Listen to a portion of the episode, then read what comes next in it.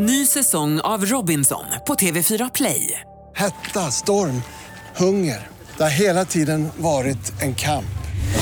Nu är det blod och tårar. Fan händer just nu. Det. är Detta är inte okej. Robinson 2024, nu fucking kör vi! Streama söndag på TV4 Play.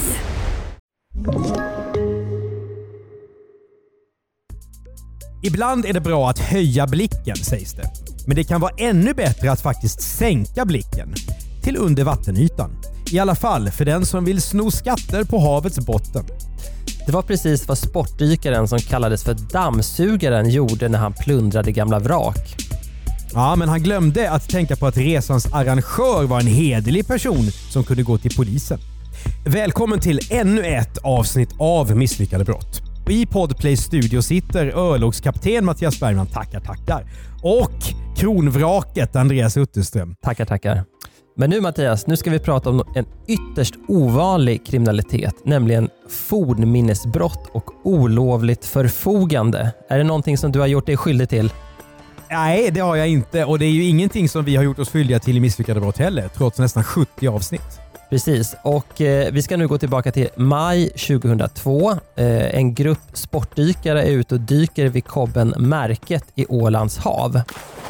Och är det vanligt att man är där ute och härjar? Ja, för det finns nämligen eh, väldigt bra dykvatten där och en av de här personerna är en 31-åring som vi kan kalla för Jonas och icke att förväxla med vår exekutiva producent. Hur vet du det? det vet du ju. Ja, åldern stämmer inte. Eh, men det här är heller inte vilken dykare som helst utan hans kompisar och dykarkollegor kallar honom för dammsugaren. Och varför då Mattias? Ja, det jag gissar att det har att göra med att han är väldigt bra på att suga upp och hitta saker då under vattnet. Just dyker, precis, utan det är alltså ingenting med bakverk eller städning att göra utan han har en slags fäbless för att suga åt sig saker från havet oavsett om det är lagligt eller inte. Ja, nu fattar jag med dammsugare. Du tänker på den här eh, punschrullen. Exakt så. Okej. Eh, så efter en stund då så kommer den här Jonas upp till ytan och då finns det ett stort föremål i hans eh, dykkasse som han då inte riktigt verkar vilja visa vad det är för någonting. Eh, så det här väcker... Men, ja, men om man är ute och sportdyker då i grupp. Om man inte känner varandra sedan tidigare så är man ju ändå ett jädrigt tajt gäng, eller hur? Det går väl inte att dölja sådana här saker för varandra?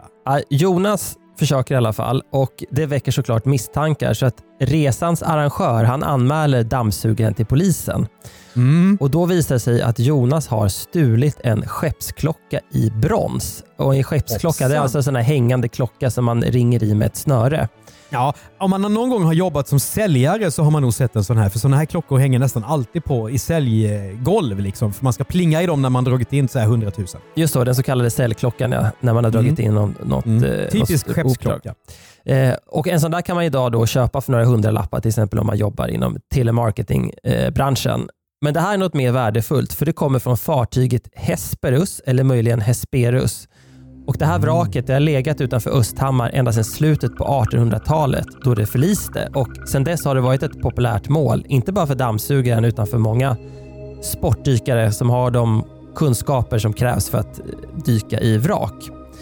Eh, och Då kan man ju fråga sig, men får man inte plocka upp vad man vill från havets botten? Nej, för enligt eh, Svea rikes lag så tillhör vrak som är äldre än 100 år staten och ingenting får därför tas upp utan eh, tillstånd.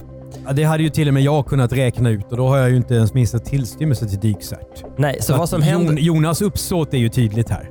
Det är det verkligen. Och Vad som händer nu det är alltså att han åtalas för grovt fornminnesbrott och olovligt förfogande. Det är så klantigt så att han nästan borde vara stolt. Det är en väldigt ovanlig rubricering. Jag undrar hur många som döms varje år för det här. Det är som med fornminnesbrott. Jag har ju skrivit en artikel om det här för länge sedan och då kommer jag ihåg att jag frågade någon åklagare men den här rubriceringen har jag aldrig hört talas om. Och, och Då sa hon till mig att ja, men det vanliga är att det är en bonde som har backat över någon, Mm. Någon runsten eller något sånt där. Det är ungefär så brotten brukar gå till. Eh, men det här är någonting helt annat. Och Det visar sig då att dammsugaren, han är ingen nybörjare på det här utan vid rättegången så finns också andra åtalspunkter. Han anklagas för att ha stulit två skeppsklockor från ett yngre vrak utanför Öland. Han, han, han har ju verkligen riktat in sig just på den här typen då, skeppsklockor. Han kanske samlar, eh, för att han har inte sålt klockorna vidare nämligen, utan han har förvarat dem hemma.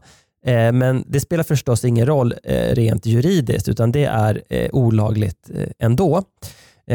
Men dammsugaren har lite tur eftersom prespi- preskription, nej, eftersom prespi, vad heter det? Pres, Preskription. Ja. Eftersom preskriptionstiden för fornminnesbrott har gått ut så fäller Tierps tingsrätt istället honom för olovligt förfogande och han får dagsböter. Som dom. Olovligt förfogande, det är att man har befattat sig med någonting fast man inte får. Lite klyddigt alltså. Lite, Ja, precis så. han, han, han hade ju knappast hamnat i fängelse ändå, men han hade kanske fått högre böter. Mm. Eh, men det otroliga med hela det här caset tycker jag är att, att dammsugaren trodde att han skulle komma undan. Eh, möjligen trodde han inte att lagen gäller under ytan eller så finns det kanske en tyst överenskommelse, tyckte han, dykare emellan att den som paxar någonting först får ta det han vill ha. Oavsett om det är olagligt eller inte. Det, det förtäljer inte riktigt historien, men det är otroligt att han tog den här risken och trodde att han skulle klara sig. Ja, det är oerhört korkat. Och min bild av dykare är, nu är jag visserligen från en, en skärgårdsstad där vi har väldigt mycket sånt här, att de eh, dykare präglas av väldigt mycket hederskodex. Att man ska ta, både ta hand om vattnet så att säga och havet och eh, det som finns där i. Att man är väldigt försiktig med det. Ja, själv hade jag kanske varit mer sugen på att ta upp någon gammal konjaksflaska eller någonting om jag hade hittat det. Skeppsklocka kan man ju som sagt hitta på andra ställen. men det är ju för att du tänker på, det är för du tänker på Kapten Haddock i Rackham den röde skatt. Ja, det är det verkligen. Det är min, min, min, eh, min referenspunkt i de här sammanhangen. Jag förstår det. Du har hört Misslyckade brott av Andreas Utterström och Mattias Bergman. Exekutiv producent Jonas Lindskog. Vi gör för Podplay även poddarna Misslyckade affärer, Misslyckade brott och Jag var där. Normalt sett så kallar vi oss för commercial content och gör då också podden Världens bästa innehåll. Tipsa oss gärna om misslyckade brott som vi borde prata om i den här podden och kan handla om skeppsklockor eller inte. Till misslyckade bplus.se. Och betygsätt och recensera gärna podden i din poddspelare så är det fler som hittar till den. Vi hörs!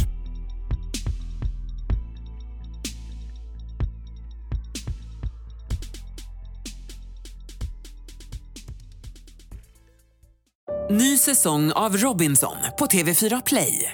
Hetta, storm, hunger. Det har hela tiden varit en kamp. Nu är det blod och tårar. Fan händer just nu. Det. är Detta är inte okej. Robinson 2024, nu fucking kör vi! Streama söndag på TV4 Play.